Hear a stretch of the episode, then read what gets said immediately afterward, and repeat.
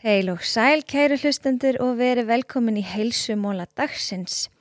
Í dag langar maður svolítið að fjalla um heilsulæsi. Heilsulæsi er orð sem er að reyðja sér til rúms og að mínu mati ætti heilsulæsi að vera kent í öllum grunn og framhaldsskólum. Heilsulæsi snýst um að geta lesið í aðstæður og geta metið hvort að upplýsingar séu raun og veru e, réttar eða sannar eða þá hvort að upplýsingar einfallega bara hendi viðkomandi. Það er nefnilega ekki alltaf það sama sem hendar mér og hendar þér.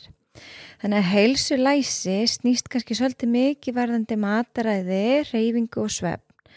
Nú eru flest ungmenni á TikTok og líka margir eldri og þar eru mikið af góðum upplýsingum en það er líka rosalega mikið af upplýsingum sem eru kannski svolítið öfgafullar. Og þá finnst mér svo mikilvægt að við kennum þessum ungmennum og, og okkur villurnu að meta hvaða upplýsingar geti stólað á hvernig og af hverju. Og við þurfum þá að vera gaggrínin við þurfum að vera gaggrínin eða rína okkur til gagns. Og með þessu á ég við að ef til dæmis eitthvað eh, sem þú heyrir eða sérð er of gott til að vera satt þá er það líklega of gott til að vera satt. Og því miður er ekki til neinar töfralösnir og skyndilösnir sem virka ef þú ætlar að halda einhverju til frambúðar. Þetta snýst bara um að skapa sér lífstíl, skapa sér vennjur og að gera oftast það sem er gott fyrir okkur og leifa sér svo bara stundum. Sem er kallið þetta 80-20 lífstíl, aðri 90-10 að því að það er heldur ekki gott að vera bara 100% ef við erum 100% alltaf þá oft hefur það áhrif á einhver önnur svið heilsunar og ég hef farið yfir til dæmis það í félagslegu heilsunni að hún verður oft út undan. Ef við erum til dæmis að reyna að vera 100% í mataræði og 100% í svefni og fleiru að þá fer oft einhvern veginn það úr skorðum. Því að við þurfum að forðast félagslega raðstæður eða við missum bara einfallega af en við þurfum svona að finna þetta jafnvægi. En til þess að taka dæmi um heilsulæsi þá finnst mér oft gott að tala um matvæli. Og varðandi matvæli þá eru raun og veru einfaldast að hugsa þetta bara þannig að það sem við borðum það ætti helst að vera matur en ekki matar líki og með því á ég við að þetta sé eitthvað sem er bara með engri innihaldslýsingu. Ég tek ofta æmi nefndum og spyr er innihaldslýsing utan á eppli eða utan á ekki eða einhverju slíku? Og þau eru öll samála með það er ekki þannig að það er þá besti kosturinn að velja mat sem hefur enga innihaldslýsingu utan á sér. Þetta getur verið ávöxtir, grænmeti, egg, netur, fræ, ber, uh, kjött og fiskur oft. En við þurfum samt alltaf að lesa utan á matvælun okkar. Og eins og með uh, kjött og fisk þá er þetta oft í einhverju marineringu og alls konar og krydd og svona. Að kunna svolítið að lesa hvað er gott og hvað er ekki og nummer 1, 2 og 3 að læra að hlusta á líkamann. Þegar ég borði eitthvað að vera meðvituð eða meðvitaður um hvernig viðkomandi matvæli fara í mig. Og ef við finnum einhver ónót í maganum eða allt í hennu rosalega þreitu eða slikt þá er það oft bara því að við þólum þessi ákveðinu matvæli bara mjög illa og það er rosalega misjamt sumir þóla mjölkuvörur illa ég þóla þær bara vel. Aðrir þóla glúten illa. Að sigur í óhófi hefur e, alltaf neikvæð áhrif á helsun okkar. Og þess vegna væri það náttúrulega bestarinn af að minka sigurinn en sama þar það er alltaf erfitt að gera allt 100% og það er heldur ekki það sem maður ætti að leytast við ef þeir reyna að skapa lífstíl heldur að finna eitthvað jafnvægi ef þú borðar eitthvað og þú hugsa ég get haldið þessu út næstu árin þá ertu í góðu málum. En ef þetta er það öfgaföld að þetta er bara einhver svona kúr eða eitthvað sem þú sér ekki fyrir að geta haldið út þá ættir þú kannski aðeins að bakka og, og heitna, breyta hægar. Eins og ég segi, ef við breytum einhverju þá oft fyrir við skarta stað að byrja bara smátt og breyta einhverju einu. Og þegar það er komið inn í, í venjurnar okkar eða búið að festa það í sessi þá getum við bætt inn einhverju öðru.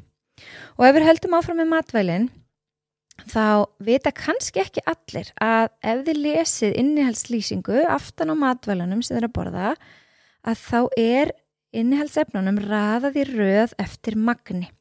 Þannig að það sem er fremst, það er mest af. Það sem er næst fremst, það er næst mest af og svo kolla kolli. Þannig að ef sigur er í einu af fyrstu þremur innhjálpsefnunum þá veitum við að þetta er mjög mikill sigur í þessari ákveðinu vöru og ættum kannski að forðast hana. Ég tek ofta dæmum flatkökur, það eru til margar, margar tegundir af flatkökum, sumar eru ánsigur en það eru nokkrar með sigri þannig að við getum þá kannski svolítið valið það sem að hendar okkur betur og því færri innhjálpsefni, því minna unnin er varan og því betur hendar hún okkur. Svo er það varðandi reyfingu, að varðandi reyfingu og heilsulæsi, að það er að sama. Við þurfum að læra að hlusta á skrokkin okkar. Hvað hendar mér í dag? Hvernig reyfingu vil ég í dag?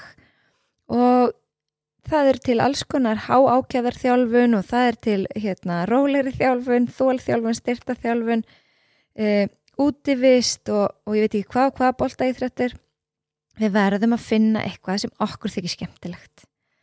Við þurfum að gera einhverja hreyfingu sem hvetur okkur til þess að hreyfa okkur og okkur hlakkar til að mæta næst. Ef við heyrum um eitthvað sem á að virka og það virkar bara ekki fyrir okkur, við erum búin að prófa, prófaði bara nýja hreyfingu og jáfnvel bara blanda þessu öllu saman.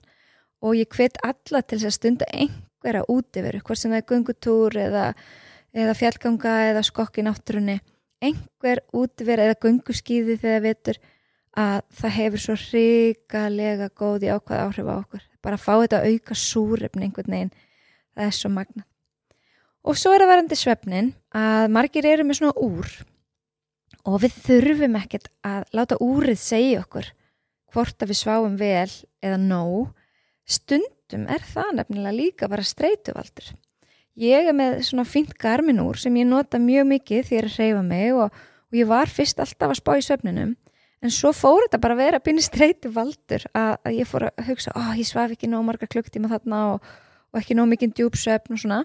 En ef við bara vögnum út kvilt þá er líkamann að segja okkur að við fengum góðan söfn þannig að hlustum á líkamann. Það er þetta heilsulæsi.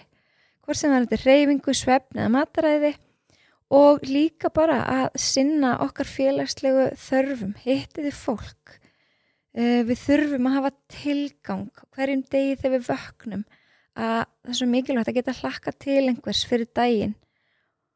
Allt þetta skiptir máli og tikkar í þessi boks ef við hérna viljum hámarka hilsun okkar þá megum við ekki skilja neitt út undan.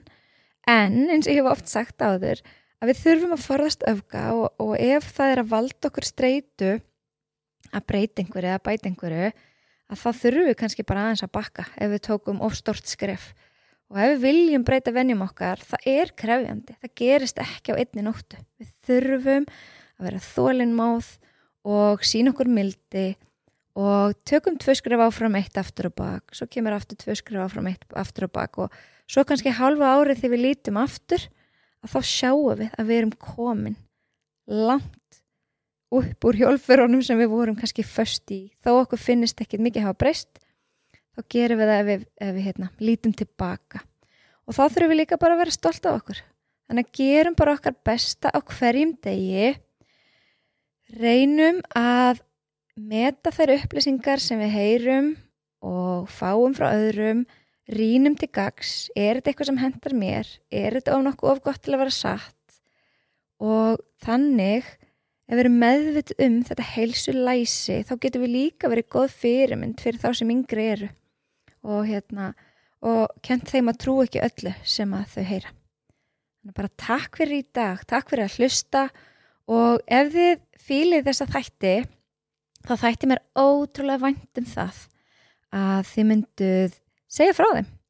Og jáfnvel að deila ef það er einhver þáttur sem að ykkur fann sérstaklega góður og skildi eftir eitthvað hjá ykkur og fekk ykkur til að hugsa betur um ykkar helsu eða fengu ykkur tæki og tóli ykkar hendur til þess að bæta helsuna þá þætti mér ótrúlega vænt um þið myndu segja einhverjum frá þættinum eða þáttunum og jafnvel deila því